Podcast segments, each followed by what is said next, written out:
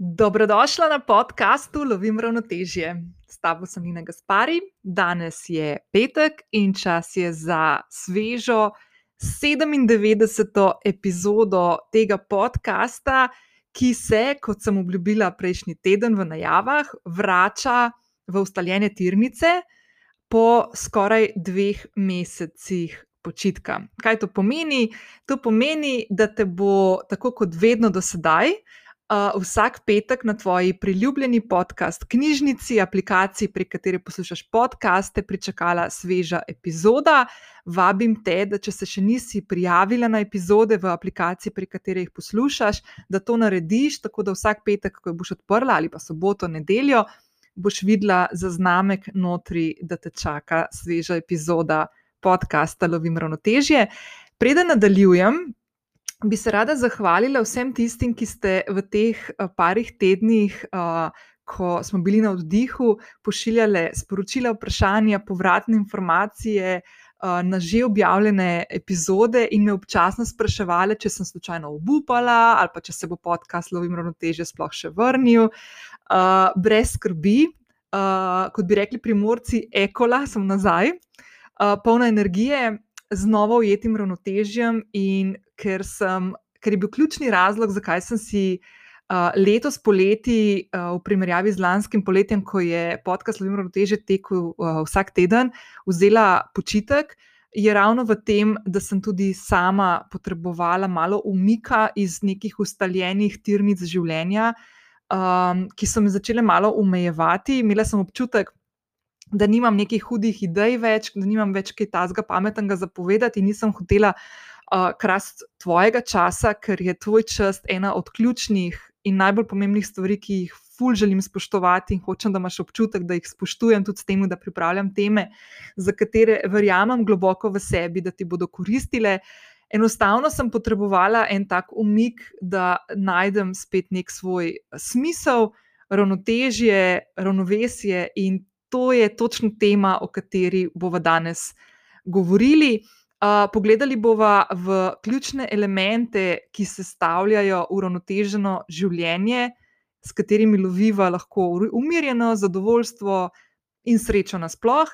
Zaupala ti bom, bom tudi, kaj se mi je v zadnjih mesecih dogajalo, zakaj sem potrebovala umik, sem ti že malo povedala, pa bom mogoče še malo bolj šla v detajle, kaj sem v umestnem času počela in naredila, do kakšnih spoznanj sem prišla.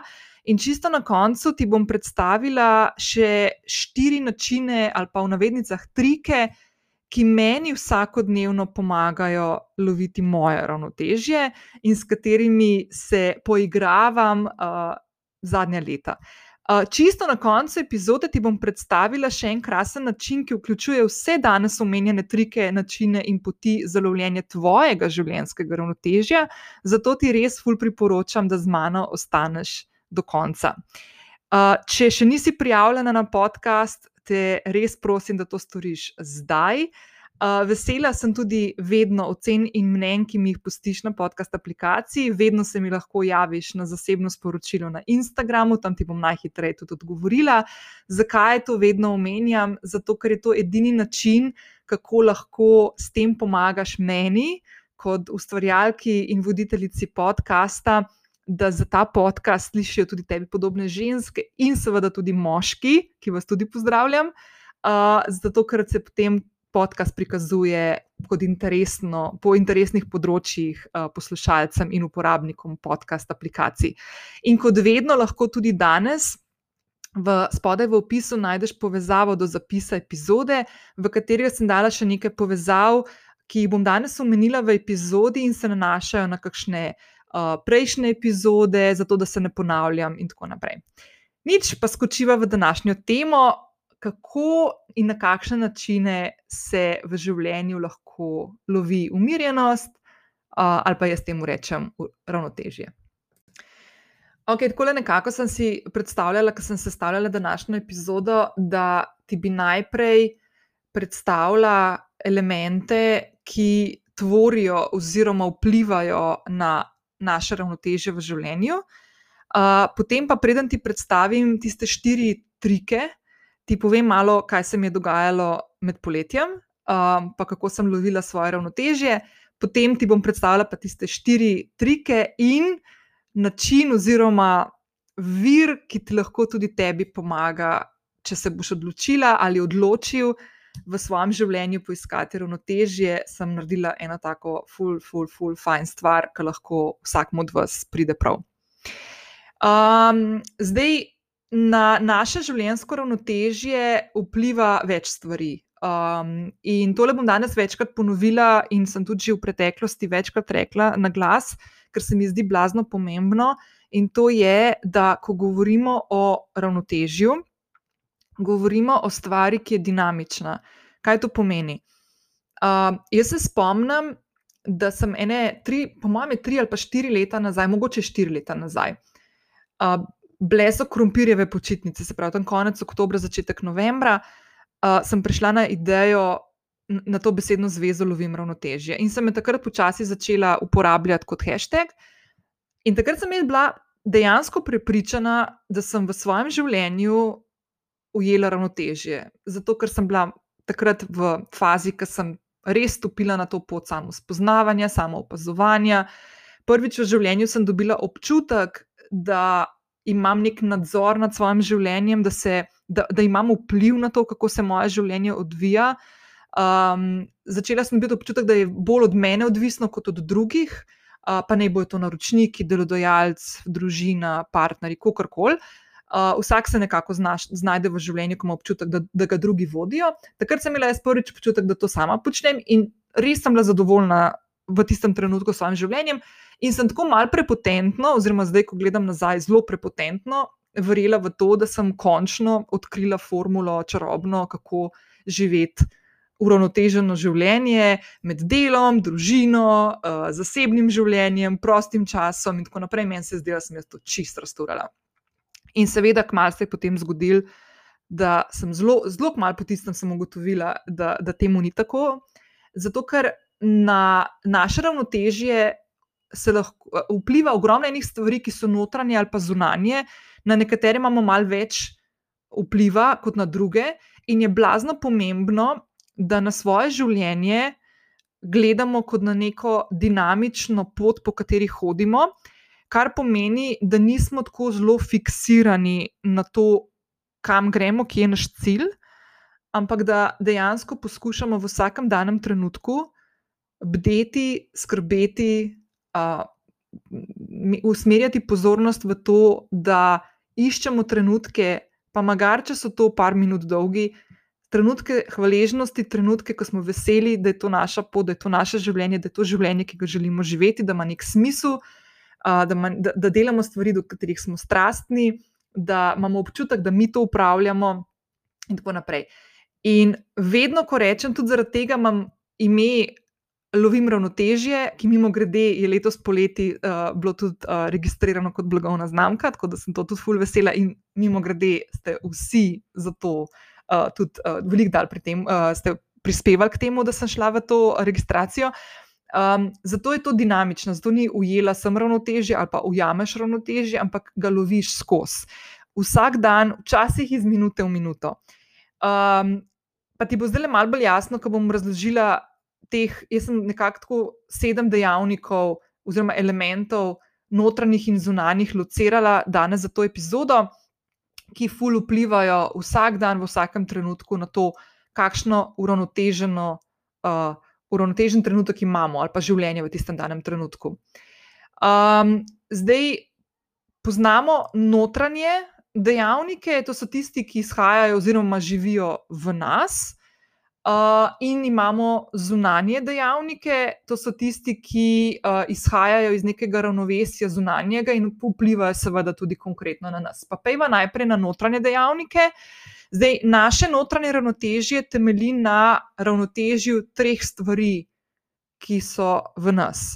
Eno je naš um, oziroma naše misli, če poenostavim, drugo je naše srce, se pravi čustva, in tretje je naše zdravje.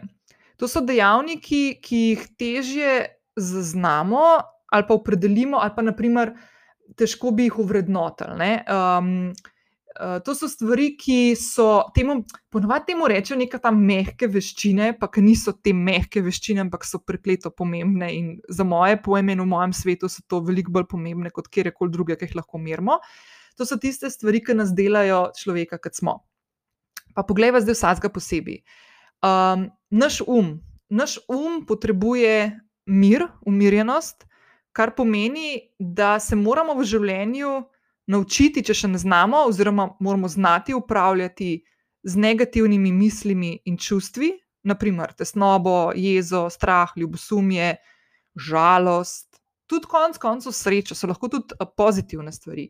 Ful je pomembno, da sami sebe spoznamo in se zbližamo s svojimi čustvi, prepričani, strahovi, ker bomo šele na tak način, ko jih bomo najprej definirali, se z njimi spoznali, jih ugotovili, odkot izhajajo, jih bomo lahko začeli upravljati.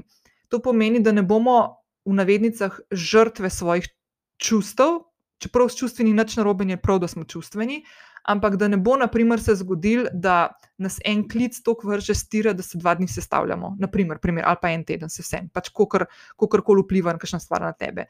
Se pravi, naučiti se moramo umirjanja, sproščanja, upravljanja samih seboj.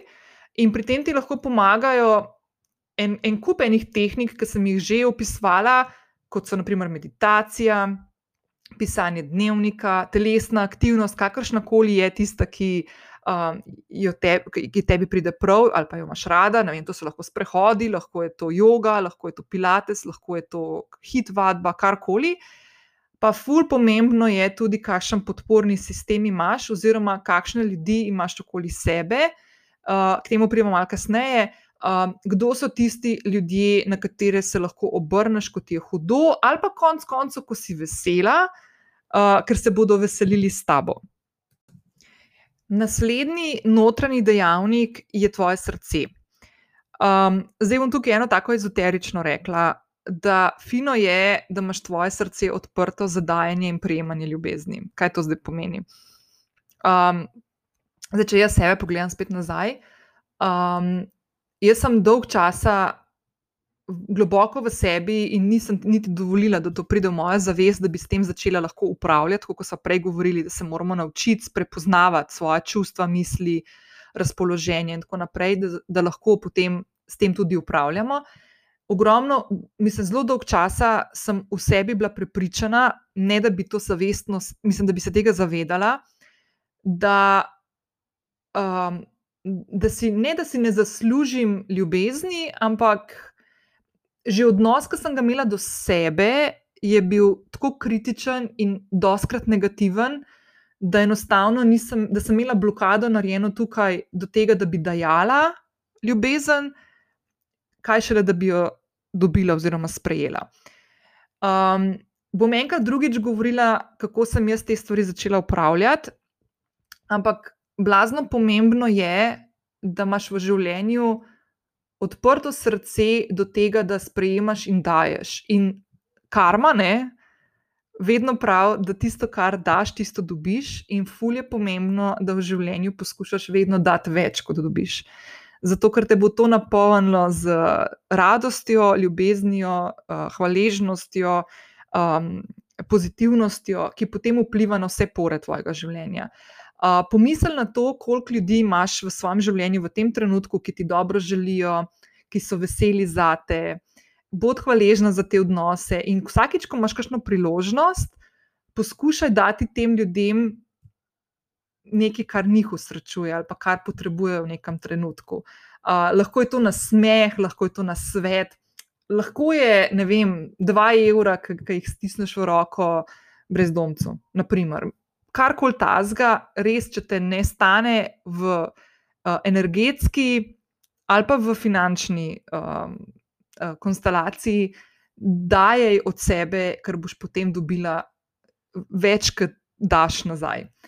Um, tretji dejavnik je skrb za zdravje. Um, zdaj, še posebej v tem času, ko se poslavljamo od poletja uh, in vstopamo v jesen in zimo, je fulj pomembno, da krpimo naš imunski sistem. Um, zdaj, brez skrbi, jaz tukaj ne bom šla v neke džingule, džangule, kako to delati in levo, desno, ker nisem strokovnjakinja za te stvari.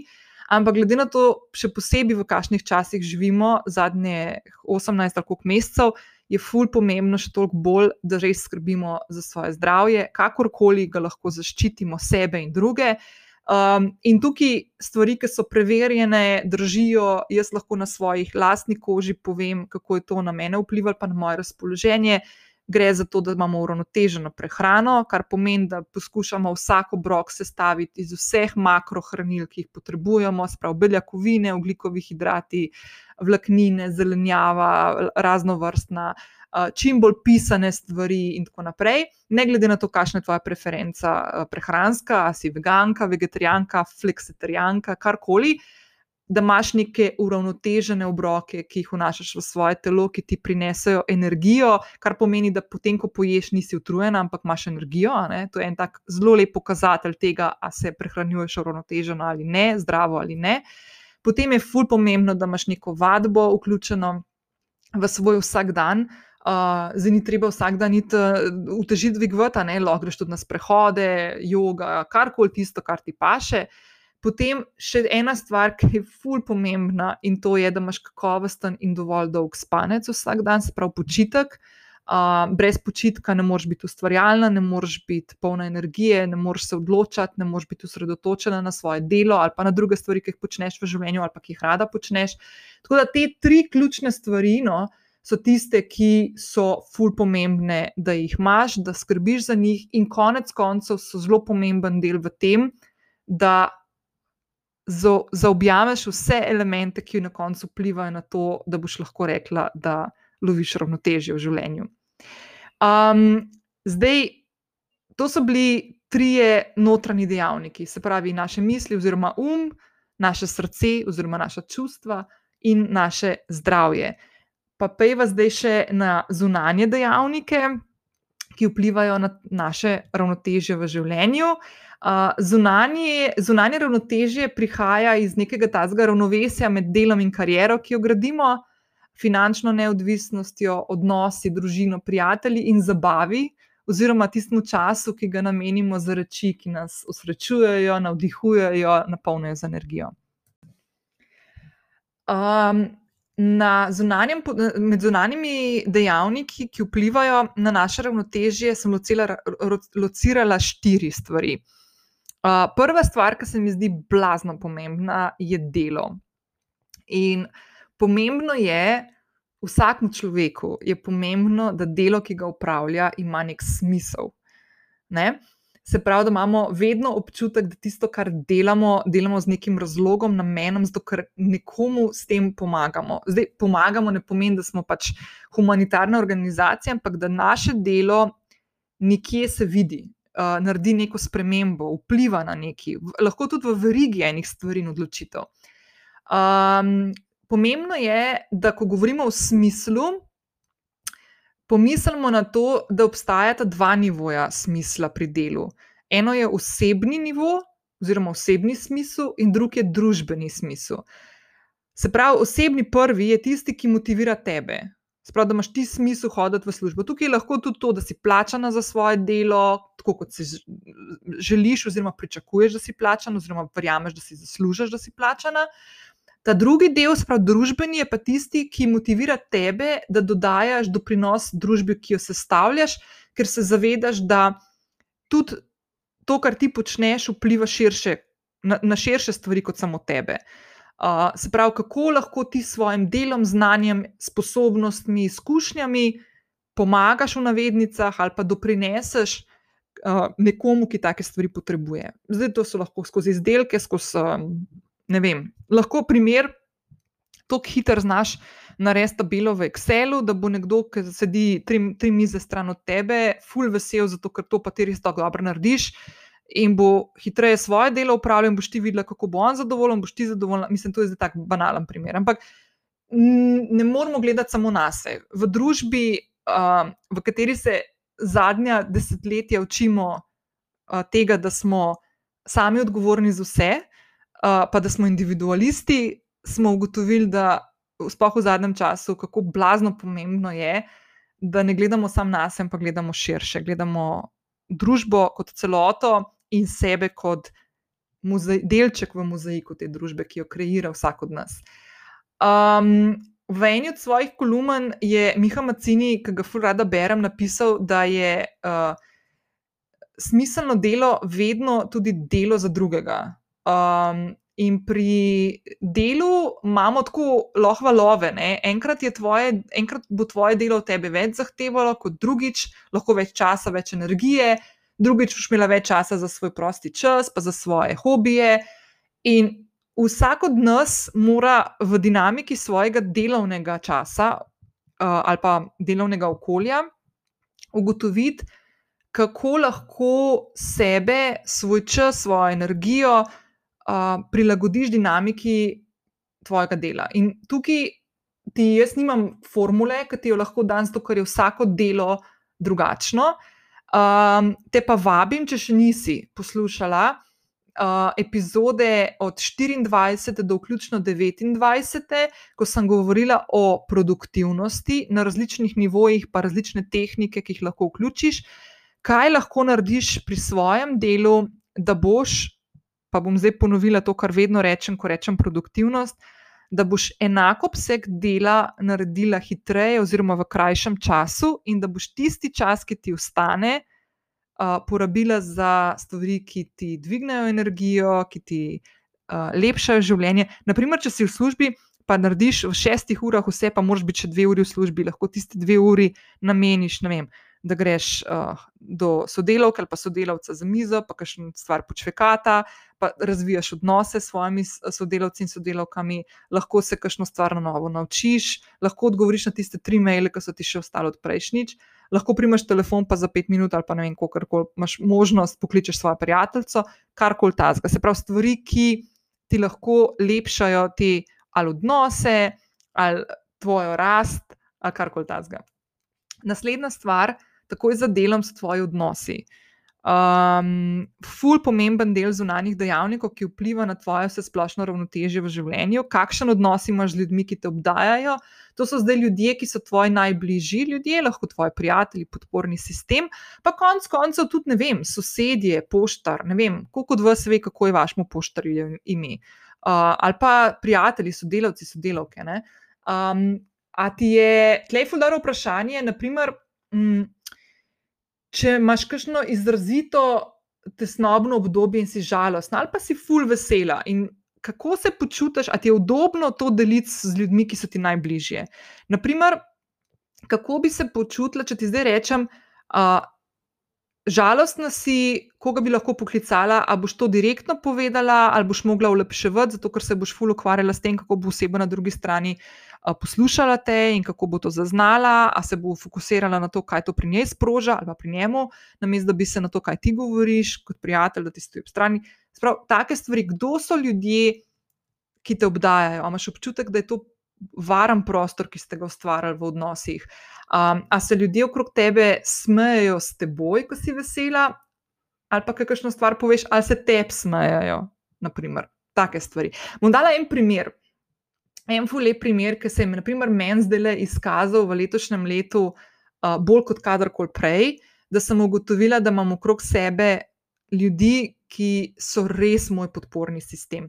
To je, po mojem, ene pet, pet prijateljic ali pa šest, da nam zdaj koga spustila, ne bom jih pomenovala, ampak vejo, kje so, ki so, naprimer, spremljale mojih zadnjih nekaj mesecev um, ko sem se spoznavala z človekom, ki je danes moj partner, in ko sem po mesecih in mesecih uh, uh, spoznavanja sva naredila en korak naprej.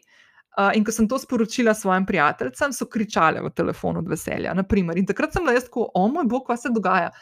To so bile v nekem pričakovanju tega, da se bo ta informacija nekoč pripeljala prek telefona do njihovih ušes, da takrat, ko se dejansko je, je to eksplodiralo. In to čisto vsaka od njih je po svoje imela ene take res lepe čustvene krike. In takrat sem jaz imela prvič v življenju občutek, da mene obdajajo ženske, ki mi želijo to, kar želim jaz sama sebi in valjda, kar želim tudi njim. In je to en tak ful, ful poseben občutek. In to želim, da si vsak v življenju ustvari. Ni enostavno, uh, ful zahteva uh, energije, valjda vlaganje v odnose in tako naprej, in vzajemno, grajenje vzajemnih odnosov.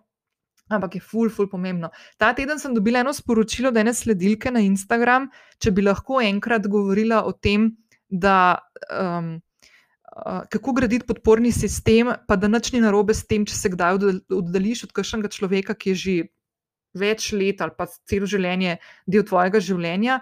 Uh, in bom tudi to pripravila, ker se mi zdi to ful pomembno in uh, to čiščenje ljudi in uh, grajenje tistih odnosov, ki so vzajemno dobri, kakovostni, um, podporni, je ful, ful, ful pomemben. Tako da bom, obljubim, v kratkem naredila tudi to epizodo. Ko govoriva o odnosih, so tukaj še odnosi s tvojo družino. Um, In ti odnosi z družino, z družinskimi člani, bližnjimi, daljnimi, um, se skozi faze življenja spreminjajo in to je nekaj čist normalnega. Ne? Normalno je tudi, da postavljamo meje, uh, normalno je, da, da razčiščujemo odnose. Jaz vedno tako pravim, ker kot sem rekel, da se v fazah življenja spreminjajo odnosi. Um, Naprimer, primer eh, tistega znanja, ki smo ga, po mojem, vsi že slišali, da družine, prijatelje si lahko zbiraš, družine pa ne. Res je. Ampak, tako kot pri prijateljih, jaz globoko verjamem, da tudi pri družini uh, se lahko sami odločamo o tem, uh, koliko časa in energije bomo porabljali oziroma vlagali v določene odnose, če so ti odnosi takšni, da, ne, da ne služijo ne nam, ne njim. Um, ni enostavno, včasih je treba biti uh, brutalen pri takih stvarih, tako jaz razmišljam. No? Um, in, je, in, in, in kot, kot sem rekla, če izhajaš iz tega, da si dobrosrčna oseba, da živiš z srcem, ki je odprto za dajanje in prejemanje, uh, lahko tudi z mejami postaviš potem lažje uh, kakšne odnose, ki mogoče hm, ne vem, ti prenesejo več negativnosti kot pozitivnosti. Um, tako da, ful je pomembno, da imamo razčiščene odnose, kakršni koli ti odnosi so, pa lahko razčiščene preseb, ni treba, da tukaj na dolgo in široko imamo neke family meetinge, pa ne vem kaj. Um, ena stvar, ki bo mogoče. Jo kdaj drugič bolj razdelovala, pa tukaj bi pol vključila tudi um, eno osebo, ki je meni te stvari ful predstavljala, je trikotnik družine kakšne so vloge v družini, tej primarni družini, kje se nahaja tvoja vloga, kako se to reprezentira, kje se lahko dogajajo določene stvari, ki vplivajo na to, da imaš nenehno neka, neka trenja. Um, jaz sem o teh stvarih že malo govorila, ko sem govorila z, o odnosih z mojima staršema in mojo sestro, um, pa bom to ob priliki povabila kakšnega sogovornika, ki je na tem področju bolj vešč, uh, da bo bolj uh, tudi teoretično znal predstaviti, pa objektivno uh, te stvari, kot da samo jaz govorim o svojih zgodbah. Ampak, če koga zanima, lahko pogleda trikotnik družine, pa si malo prebere o tem, ful, ful, ful, huda stvar. In to je meni, na primer, ogromno pomagal, ker sem razčiščvala pri sebi odnose z mojo primarno družino. Um, in zdaj, čez na koncu, ta zadnji zunani dejavnik od štirih, ne, delo smo že, odnose, družino smo že predelali, uh, je zabava. Se pravi, prosti čas tvoj, kako ga nameniš, za kere stvari ga nameniš, uh, aj je polno smeha, razigranosti in tako naprej. Razmišljaj o tem, da čas namenjaš stvarem, ki te napolnijo z energijo, ki te veselijo, ki jih rada počneš. Lahko je to branje knjig, lahko je risanje, uh, lahko je, naprimer, meni ena od stvari, ki se jo ful veselim vsak teden, je, da gremo v soboto zjutraj, pa do povdan, no, niti ne tako zjutraj, do povdan na Ljubljansko tržnico, po zelenjavo in kupam časopise sobotne, in potem se gremo sest na eno kavico. Uh, in zraven preberem časopise. Naprimer, to je meni tako en tak trenutek, ki se mi zdi tako, da se mi svet malo ustavi, pa postavi v neke, v neke take lepe, lepe tirnice za prihajajoči teden, ki prihaja. Ok, to so neki ti dejavniki, zunani pa notranji, ki jih je vedno dobro imeti v mislih, ko se ukvarjamo s tem, um, kako želimo peljati svoje življenje, kaj je tisto, kar vpliva na naš vsakdan, naša čustva, razpoloženje, misli, delo, fokus, produktivnost, odnose. To so te stvari, ki so tako, vse je sigurno bila še kašna, no, ampak to so stvari, ki, uh, ki so tiste ključne, ki jih moramo imeti v mislih, uh, ko razmišljamo o tem, kje, kje začeti upravljati svoje ravnovesje oziroma ravnotežje. Uh, zdaj, preden grem naprej in ti predstavim štiri, v navednicah, štiri trike, uh, s katerimi jaz že leta uh, bdim nad tem dinamičnim delom življenja, ki mu rečem uh, lovljenje ravnotežja. Um, ti bom povedala malo sam, kaj sem to poletje naredila. Um, v bistvu, fully enostavno je, ne da nisem nič naredila, ampak res sem si vzela poletje uh, za sproščanje. Um, ful sem vesela, da sem šla uh, na izlete, na dopust.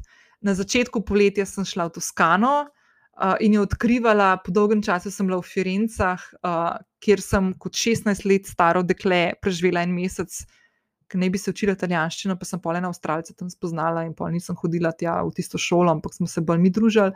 Uh, tako da še danes italijanščina je moj, tako znam, ampak indijansko italijanščino govorim, ampak ok. Uh, potem šla sem na morje parkrat, uh, šla sem v Švico prvič v življenju. Uh, in ful, hvala, ker ste se mi javile, poslušalke iz Švice, iz Ciriha, večino, jaz sem bila v Bernu, v prestolnici, tako da se pa nismo videli, ampak bom kdaj prišla tudi v Cirih, pa se bom javila, pa se dobimo.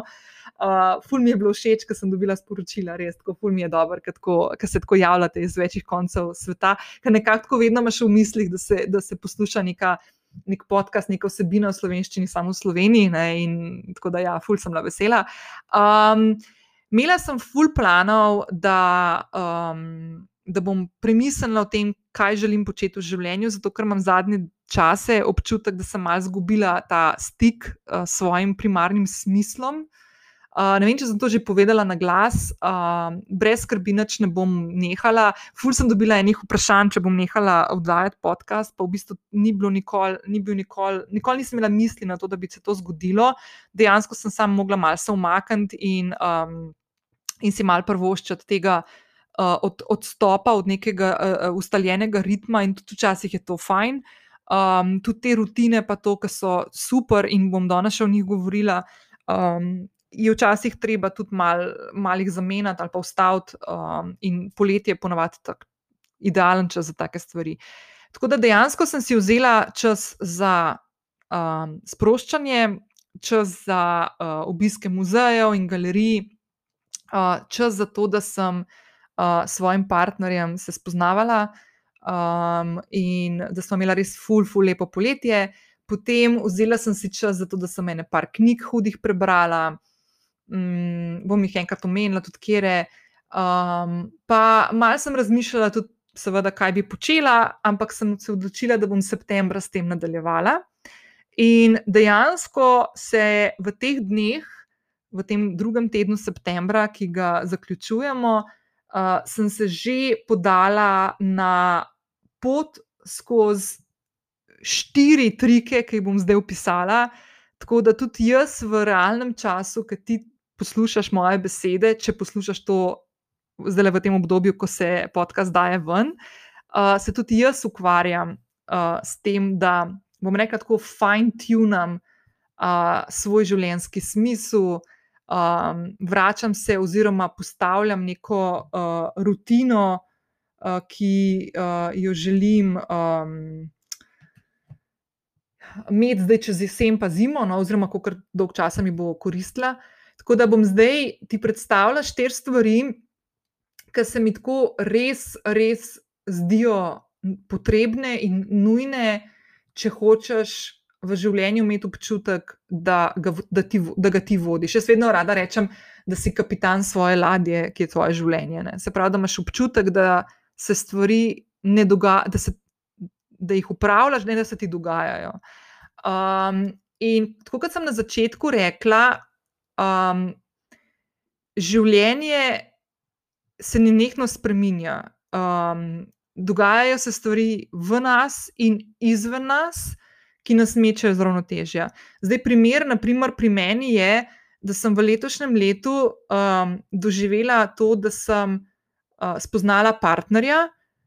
ki je moje življenje, kot je fino in fine in the best, ne, uh, je vrgel iz ravnotežja, kar je normalno. In jaz se zdaj že zadnjih par mesecev poskušam najti neko novo ravnotežje v svojem življenju, ki zdaj vključuje tudi eno pomembno spremembo na mojem zasebnem življenju, ki je, hočem nočem, posegla v moje poslovno življenje. Zato, ker veliko časa preživiva skupaj, veliko časa namenjava en drugemu, in posledično je ta čas treba nekje drugje vzeti.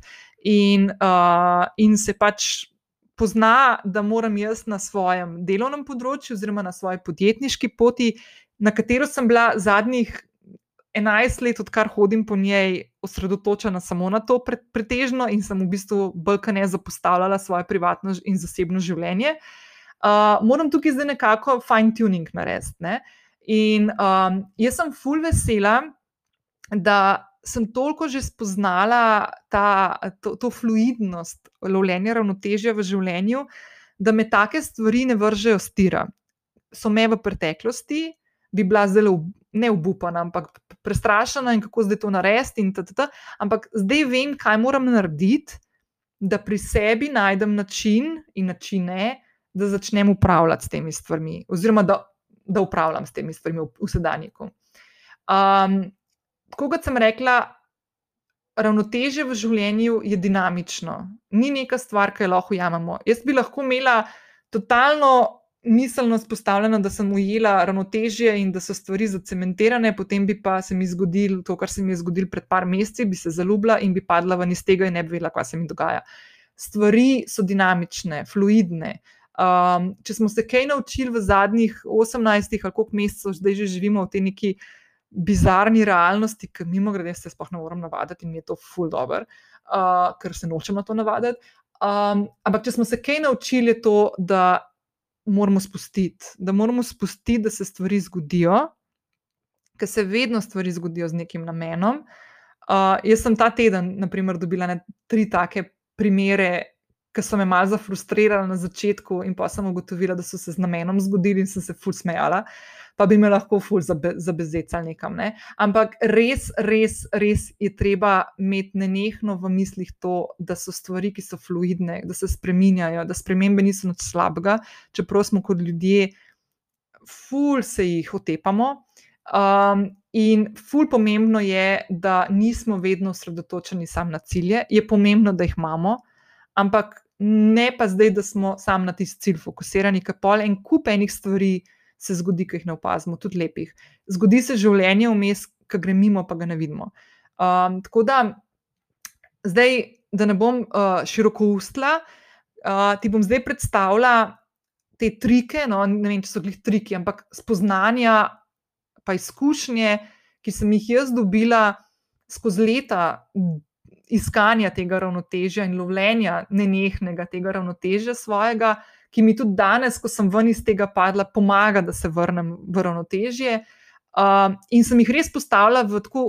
V center svojega delovanja, na poslovni, oziroma podjetniški in na osebni ravni, in to so načini, katerim se, kot sem rekla, nenehno vračam, tudi v tem trenutku, ko se s tabo pogovarjam, oziroma ko snemam tale podcast. Uh, Um, ki bom ga posnela, pa ki bom pripravila zapis epizode, ki te bo že počakal spodaj na povezavi, um, se bom takoj lotila in šla nazaj uh, k tem uh, vajam oziroma k tem uh, istočnicam, uh, ki me bodo ponesle na pot, da bom začela razmišljati dodatno, kaj želim narediti v naslednjem koraku ali pa pri naslednjih odločitvah in kaj lahko danes naredim, da bom v jutri v jutrišnji dan vstopila še z več, večjo, večjim um, košem energije in da bom še več stisnila iz sebe stvari, ki vem, da jih lahko stisnem zase, za svoj osebni smisel in za družbeni smisel. Se pravi, naprimer, konkretno danes. Ker s tabo govorim in ti predajam neka spoznanja, ki meni pomagajo, verjamem, da delam na nekem družbenem smislu. Okay, um, zdaj, da najprej povem, da vse te stvari, ki, sem, ki jih bom zdaj povedala, sem v veliki večini že o njih govorila, ampak jih bom zdaj strnila v eno tako zaključeno um, celoto, ki fu lepo povzame te stvari, ki smo jih že predelali danes. Uh, tako da zdaj prvi v navednicah trik je to, kar sem danes že omenila večkrat, da najdemo smisel. Smisel v življenju. Ne samo pri delu, ampak v življenju nasploh. Vsak od nas v življenju potrebuje smisel. In ključno je, da tudi ti pri sebi ugotoviš, kje se skriva tvoj smisel, lahko temu rečeš namen, lahko temu rečeš poslanstvo, lahko temu rečeš zakaj. Tvoj zakaj, ikigaj. Kaj tebe navdihuje na osebni ali pa poslovni podjetniški ravni? Kako lahko ti s svojim delom in življenjem, se pravi s tvojim osebnim smislom, podpreš tudi družbo, v kateri ti živiš in tukaj doprineseš na družbenem smislu? Kje je ta presek med temi stvarmi? Um, naprimer, ko sem se jaz uh, pred dvema letoma poigravala s tem svojim življenjskim smislom in ga na novo odkrila, oziroma ga dejansko prvič tako zares odkrila, da sem se ga zavedala, uh, sem postavila svoj življenjski smisel, oziroma moj zakaj v to, da želim predvsem ženske uh, spodbujati in jih učiti, kako stopiti. Uh, Brez pretiranih strahov na podjet, na podjetniško pot, zato ker imam to jaz izkušnjo za sabo, uh, jim tukaj pomagati graditi neko svojo podjetniško zgodbo z izkušnjami, spretnostmi, znanjem, izobrazbo, ki jo imam tukaj, naprimer, grajenje medijske prepoznavnosti, uporaba družabnih omrežij in tako naprej, preplet vseh teh aktivnosti in komunikacije, ki jo vodimo z kupci, strankami in tako naprej, kako to graditi in postaviti. In potem, valjda, kako loviti ravnotežje med delom in zasebnim življenjem, kar se mi zdi tako ključno za življenje vsakega od nas, da živi neko izpopolnjeno in zadovoljno življenje. Uh, jaz sem prepričana, da je opredelitev tvojega zakaja ključna podstat oziroma temelj, na kateri začneš graditi vse ostale stvari. Um, in od tega, kakšno delo upravljaš, do tega, kako potekajo tvoji dnevi, do tega, da se naučiš tudi zaradi tega reči ne stvarem, ki, uh, ki bi jim sicer rekla ja, zato ker bi želela ugajati, uh, da postavljaš meje in tako naprej.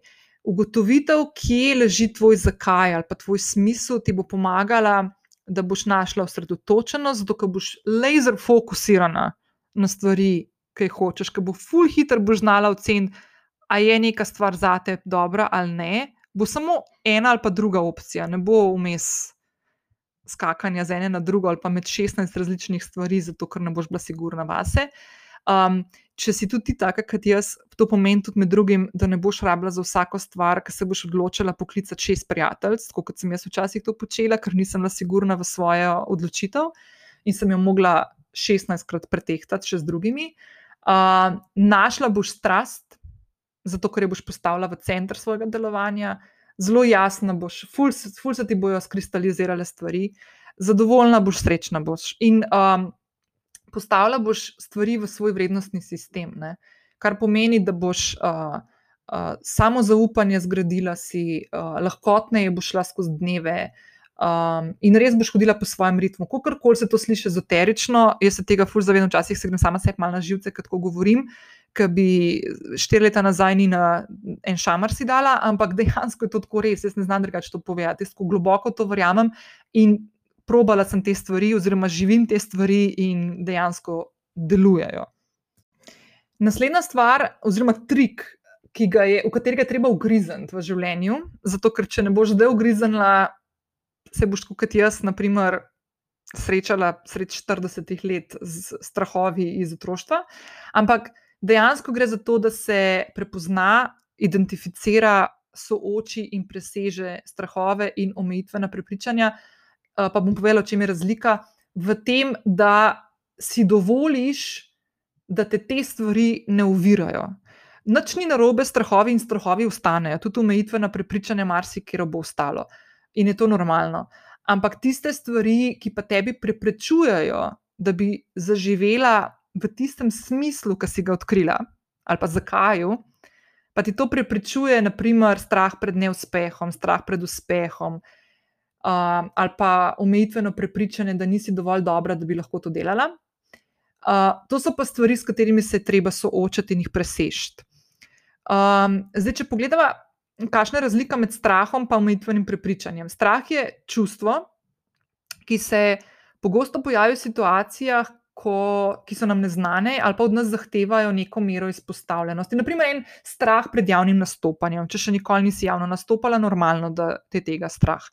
Um, za strahom se pogosto skrivajo naprimer, občutki nemoči, zaskrbljenosti, neprimernosti, nevrednosti, izključenosti, izpostavljenosti, zavrnjenosti in tako naprej. Zdaj, strah prepoznamo tem, potem, da lahko na, čist kot na fizični ravni lahko naše srce začne biti hitreje, lahko imamo oteženo dihanje, lahko imamo ta občutek smoka v grlu, zno, znojenja, lahko imamo občutek tesnobe v pljučih in tako naprej. Tako kot vsa čustva, ima tudi strah dve plati. Po eni strani je za nas pomemben za preživetje, ker nas občutek strahu uh, veliko krat ovira pri tem, da bi naredili kakšno stvar, ki je za nas nevarna in nas v bistvu zavaruje po drugi strani nas pa lahko zmrzne ob vsakodnevnih stvarih in nam onemogoča normalno življenje ali pa življenje, uspešno življenje, ki ga želimo živeti. Naprimer, strah pred uspehom je bil moj strah. Ja, nisem se zmotila. Obstaja strah pred neuspehom. Naprimer, primer, razmišljaš o tem, da bi šla na podjetniško pot, pa te je strah, da ne, da ne boš uspela, mm, da se tvoja poslovna ideja ne bo izšla in boš mogla nazaj v službo. No, Jaz sem imela strah pred uspehom, pa še vedno ga imam, še vedno z njim upravljam. Ko me je strah, da bom dosegla tisto, kar sem si zadala, in kaj bom pa pol. Um, ali pa, naprimer, imela sem strah do lanskega leta. To je bilo, to je bilo lan, lani, sem imela jaz misijo, misijo leta 2020, moja je bila vključena v besedo rast. To sem večkrat govorila že lansko leto v epizodah. In ena od dimenzij, ki sem jo hotla uh, vključiti, in je bila dejansko bila v centru, je to, da presežem številko letnega prometa, spravo, koliko denarja bom zaslužila. Um, zato, ker sem imela strah pred tem, da bom eno številko dosegla in pol se bo ne vem, kaj zgodil. Uh, ful se sliši butast, jaz sem se zavedala že takrat, da je to ful butast, ampak je bil to moj strah in jaz sem se mogla s tem poukvarjati. Jaz sem celo leto, vsak dan, bdela nad tem, kje se nahajam v odnosu do tega strahu. In konc leta, ko karkoli je bilo lansko leto, noro leto, uh, sem jaz ta svoj strah presegla in sem presegla tudi tisto številko, ki me je strašila deset let, odkar sem na svoji podjetniški poti, in je dejansko številka, ki je mene omejevala na rasti moje, mojega podjetja in mene kot podjetnice. Uh, tako da to niso enostavne stvari, to so stvari, ki so zakorenjene. Ampak to je ena od teh stvari, ki sem rekla, da je nujno, da se z njo soočimo in jo presežemo. Uh, tako da to, to, to sem hotela malo na svojem primeru prikazati. Zdaj, za razliko od strahov, je omejitveno prepričanje misel, ki jo imaš v sebi, uh, v katero ful verjameš, da je resnična, in dejansko te pa ta misel ful zadržuje v življenju pri praktično vseh odločitvah, ki jih sprejemaš, ker je tako globoko zasejana v tvoje sploh obstajanje, v tvoj bit, da je postala del tebe in verjameš in na njo gledaš kot na neko absolutno resnico. Uh, naprimer, to je res ta stvar. Um, jaz nisem dovolj dobra, da bi lahko uh, odprla svoje podjetje. Ali pa, um, kdo pa mene posluša, vse nimam znanja na tem področju. Ali pa, naprimer, včasih se jaz poigram s tem, enina, zakaj ti govoriš o teh stvarih, se ti nisi nek life coach pa nimaš nekega znanja, oziroma nisi delal nobenega tečaja ali pa izobrazbe na tem področju, ne moreš to tako govoriti. Zato vedno ful rada izpostavim to, da so to moje izkušnje, da je to moja neka pot, moja neko, neka spoznanja, do katerih sem prišla, ker verjamem, da se ne dogajajo samo meni. To vedno omenjam in tukaj se mal zazna moj, moj, moje to omejitveno prepričanje. Um, ali pa, naprimer, eno omejitveno prepričanje je, um, jaz se pa ne bom zaljubila, ne? ali pa v mene se pa ne bo noben zaljubil, zato ker pač ne vem, se očitno 40 let plus noben ni tako in zakaj se zdaj. Naprimer, ne? spet se sliši lahko butast, ampak klinc tako je. Uh, zdaj, omejitvena prepričanja so vse tiste misli, v katere ti verjameš, da držijo ki pa ob enem omejujejo vse tvoje sposobnosti možne.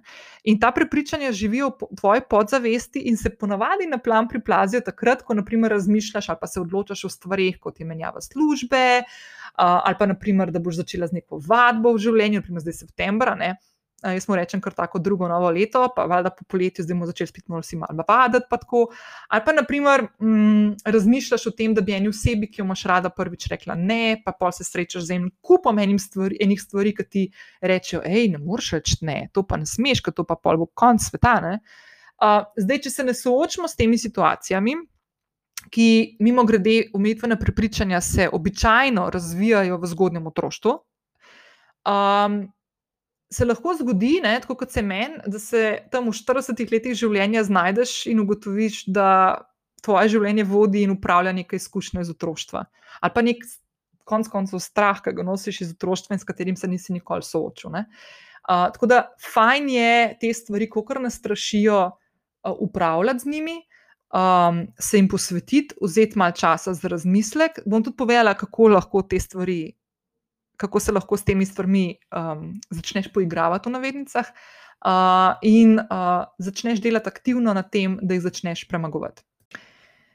Tretji trik, oziroma spoznanje, uh, ki je ključno za lovljenje ravnotežja, um, se pravi, po tem, da najdeš svoj smisel, poslanstvo ali pa zakaj, pa da pres začneš presegati oziroma se soočati svojimi strahovi in umetvenimi prepričanji, je, da vzpostaviš v svojem življenju neke zdrave rutine in navade, uh, ki ti bodo pomagale, da boš to špuro, ki jo boš odkrila, predvsem s tem svojim zakajem, držala, ne? da boš nenehno s tem tudi povezana.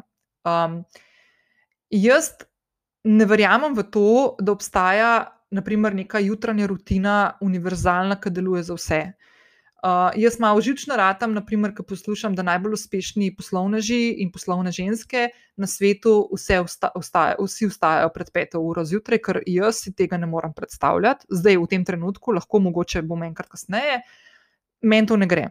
Druga stvar, da se večina njih zjutraj uh, tušira pod ledeno vodo. Jaz tega doma ne morem narediti, jaz grem lahko v 4 stopinje mrzlo vodo se namakati, ampak tudi za pet minut smo že naredili to, ne morem se pa tuširati z ledeno vodo doma, ne vem zakaj, ne gre mi, ne sedem. In teh stvari pač ne počnem in jih ne vključujem v neke svoje rutine. Za me taka rutina ni v navednicah zdrava rutina, zato ker mi povzroča stres. In mi povzroča preveč stresa, ne unga dobrega stresa, ki te motivira, ampak unga stresa, ki me bo zablokiral.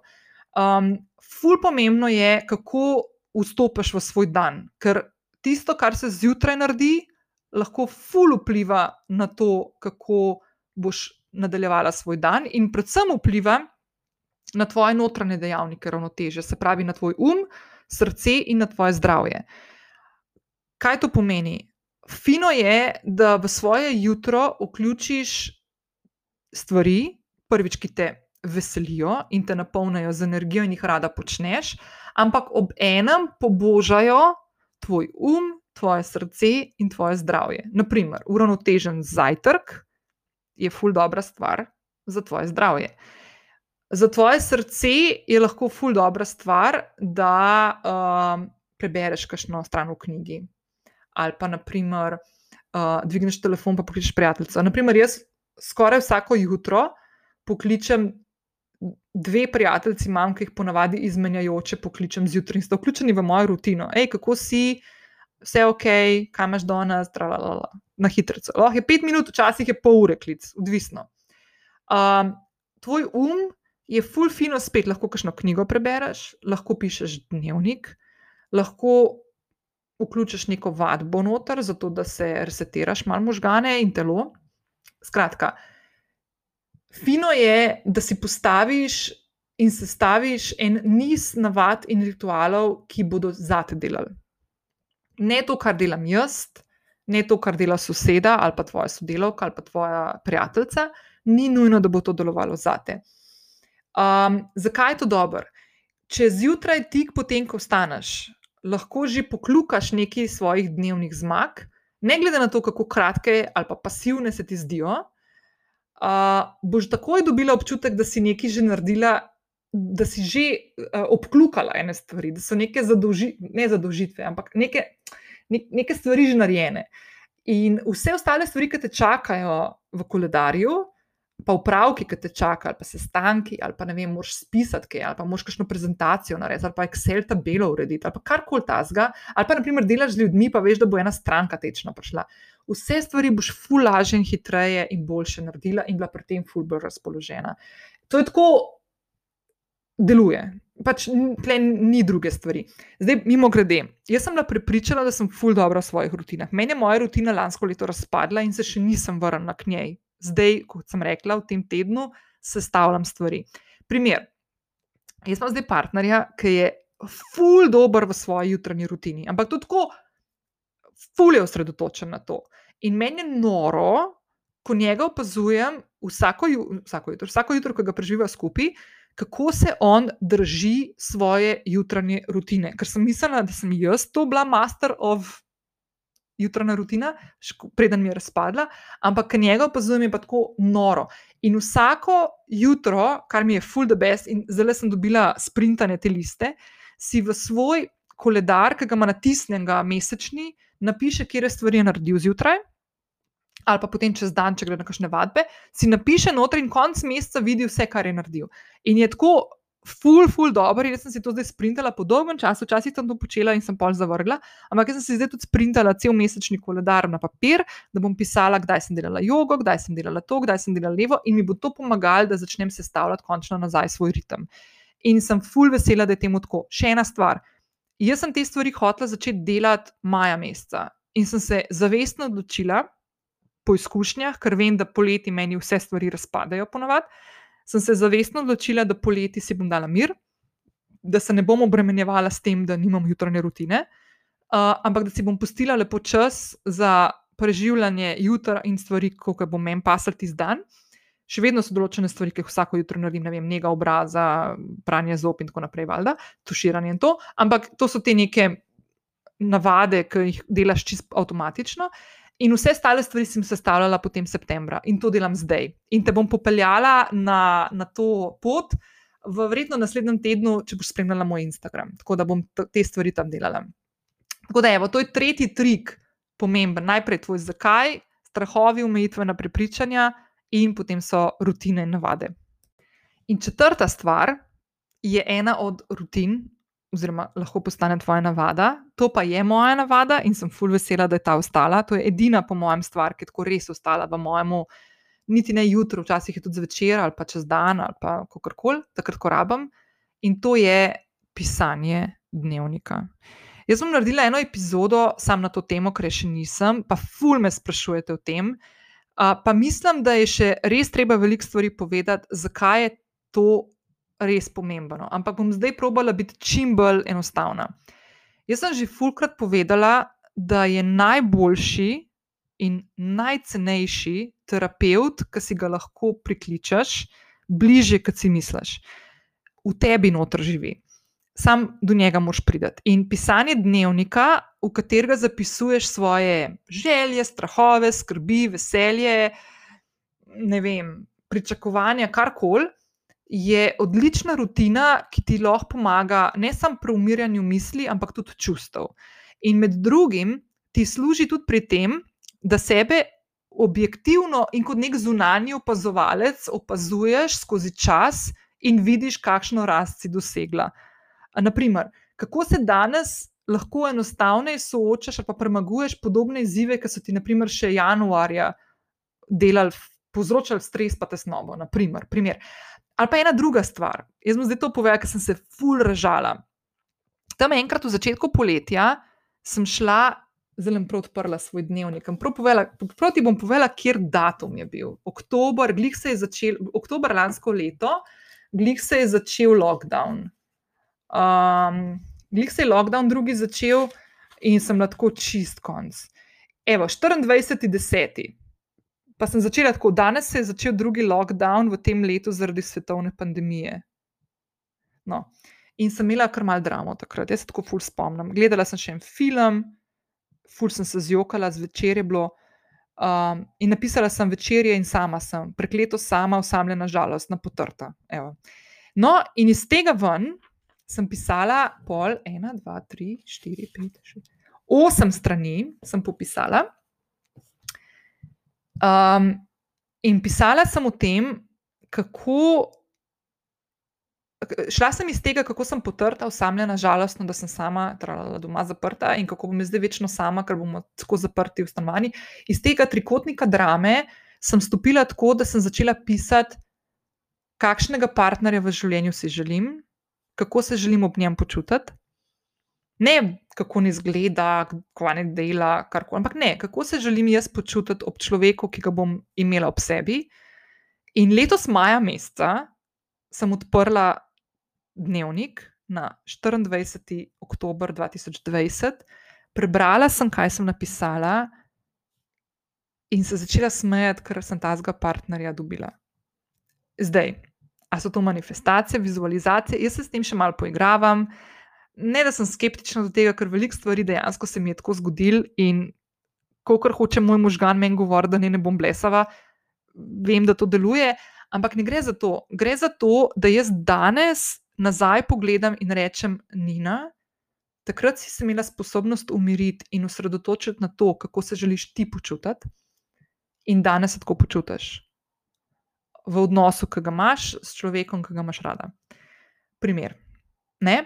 To je manj kot eno leto kasneje, pol leta potem, no, dejansko, ko sem to Maja gledala in sem si mislila, ne morem, freaking verjeti, da se je to zgodilo. Um, Tako da to so stvari, ki ti jih lahko dnevnik da.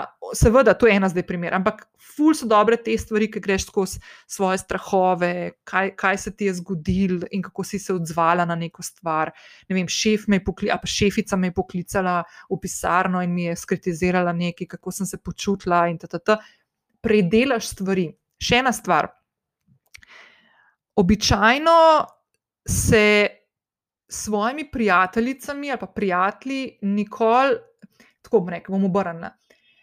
Tako grozne, kot smo lahko v notranjem dialogu same s sabo, ne znamo biti z nobenim najbolj hudim sovražnikom na tem planetu. Ne? Do sebe znamo biti brutalne, ženske, predvsem. Za moške, verjetno tudi, ampak po mojem, smo mi tukaj zmagovalke. In ko enkrat te stvari daš ven iz sebe, zdaj, mimo grede, dnevnik je fino, da se ga piše z roko, ker se pač nekaj zgodi, neka povezava uh, miselna se zgodi med možgani in um, roko, ki piše. Um, to je tista fora, da preliješ stvari na papir, da bi pre, papir vse prenesel. To so te, vse jih poznamo, smo po mojem slišali že te reke stokrat. Lahko, če ti to ne ustreza, lahko tudi se posnameš.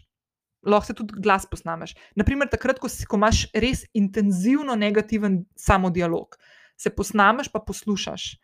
Jaz ti obljubim, obljubim ti, da ko boš slišala, če boš povedala tisti brutalen jezik, ki ga imaš sama s sabo včasih, ko boš to slišala na glas in boš na to gledala, kot da to tebi nekdo govori, boš čist drugače začela sama s sabo pogovarjati.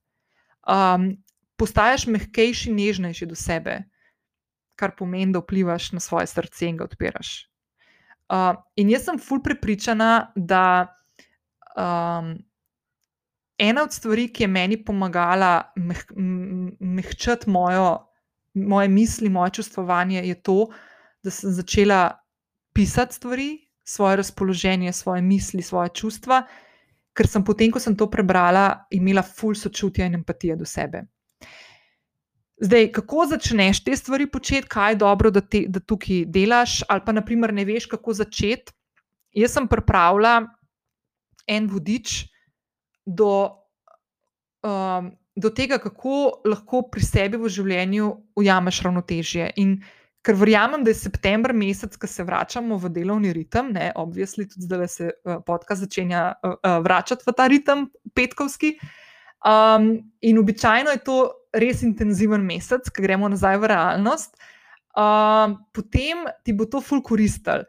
Uh, vse te ključne štiri trike, po katerih jaz posegam in sem ti jih danes predstavila, se pravi, kako najdeš smisel, kako presežeš strahove in omejitvena prepričanja, kako postaviš neke rutine, navade, ki ti bodo pomoč, in kako sama sebe sterapeutkaš, ne, se pravi, kako si sama sebi lahko najboljši terapeut in postaneš mehka, sočutna, prijazna do sebe so vključeni v uh, vodič, celovit vodič, interaktiven vodič z vajami in izzivi, ki sem ga poimenovala kar lovim ravnoteže, ker se mi zdi tako najboljše ime možno. In vključuje vaje, da boš lahko svoj zakaj definirala, uh, da boš preskočila strahove, pa umitvena prepričanja, uh, da boš sestavila svojo jutranjo rutino na tak način, da bo res zate delovala. In da se boš lotila in vzpostavila rutino pisanja dnevnika. Vključila sem en kup enih različnih tehnik pisanja dnevnika, ali pa tudi rišeš lahko. No? Um, in dala sem noter tudi 30-dnevni izziv z istočnicami, ki ti bo v pomoč, če imaš težave s tem, da začneš pisati. Da boš imela istočnico vsak dan, pa rekla, ok, danes bom pisala o tem. In ta vodič ima nevrjetnih, res 77 strani.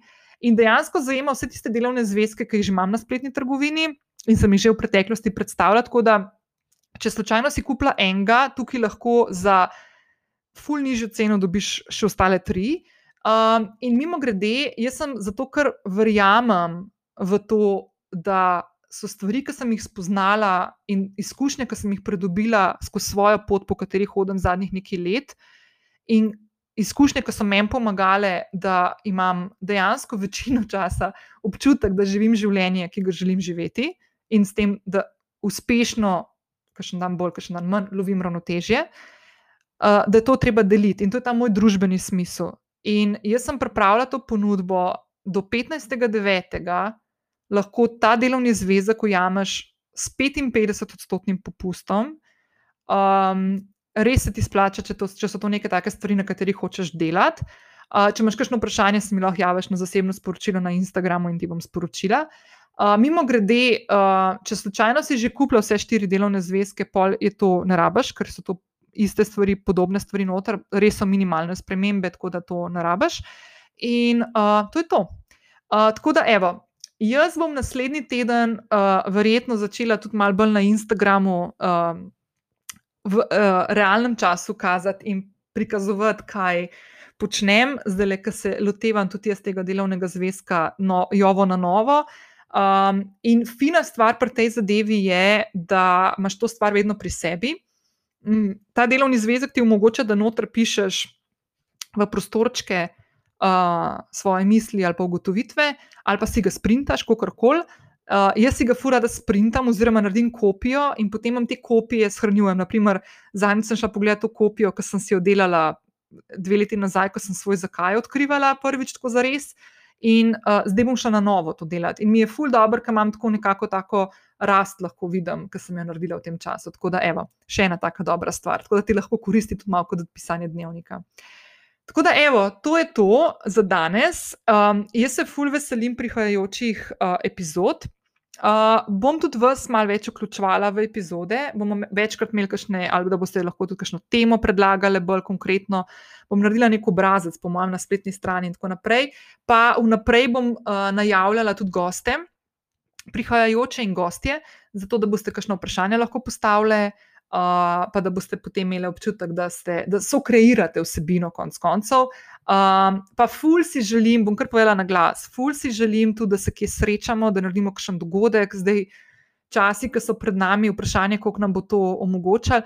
Tudi, naprimer, primer, še to, aha, zdaj bom izkoristila to priliko. Ful ste me sprašvali za jogo v letošnjem letu, poletju. Uh, ni je bilo, uh, imela sem nekako željo, da naredimo en dogodek septembra v sklopu um, enih stvari, ki se tle v mestu dogajajo, pa zgleda, da to ne bo šlo skozi. Uh, jaz sem že lansko leto, ko smo bili sred pandemije, smo imeli, mislim, da šest um, jog v, v, v, v mestu, na špici z mestno občino Ljubljana in z ljubljanskimi tržnicami in parkirišči, in je bilo super, ful je bilo lušten, ful vas je veliko prišlo, tudi uh, tlele, uh, ki me spremljate prek podcasta in Instagram, sem ful vesela, da sem vas videla. Jaz moram povedati, da mi je bilo super in prijetno, ampak časi, v katerih živimo, sploh pa če delaš neko jogo, ki je neko sproščanje in to niso tako sproščene. Jaz, jaz, jaz sem bila skozi ful živčna ful sem naživčna, ful me je skrbel, da bo kdo uh, kakšen virus ujel ali pa da bo kakšna štalca. V glavnem, ful, ful mi je neprijetno uh, razmišljati o, o organizaciji neke joge v času, v katerem smo. Uh, in verjamem, da bo naslednje poletje drugačno, ful verjamem, upam, more biti uh, in bomo pač te. Ta druženja ob jogi nadaljevali naslednje leto. Uh, ful sem žalostna, ker smo prekinili to tradicijo za letos, uh, ampak enostavno ni, ni šlo drugače. Um, tako da, evo, Uh, tako da vsi, ki ste sprašvali, joge letos ne bo, žal, um, ampak bo pa naslednje leto, sigurno. Pa mogoče, mogoče pa že kaj med letom, kaj pa vem. No, en kup enih stvari imam v mislih, tako pač vam bom javila. Uh, to je to. Uh, hvala vsaki od vas in vsakemu od vas, ki stal do konca. Uh, jaz upam, da ste uh, v tej epizodi našli kakšno iskrco, uh, ki vas je tako malo pobožala uh, in vas usmerila v to, da začnete sebe še bolj spoznavati, kot se poznate, ker je to uh, investicija, ki je, po mojem, največ vredna na tem svetu, poleg znanja. Um, in uh, lepo se majte in se slišmo naslednji petek. Hvala, čau!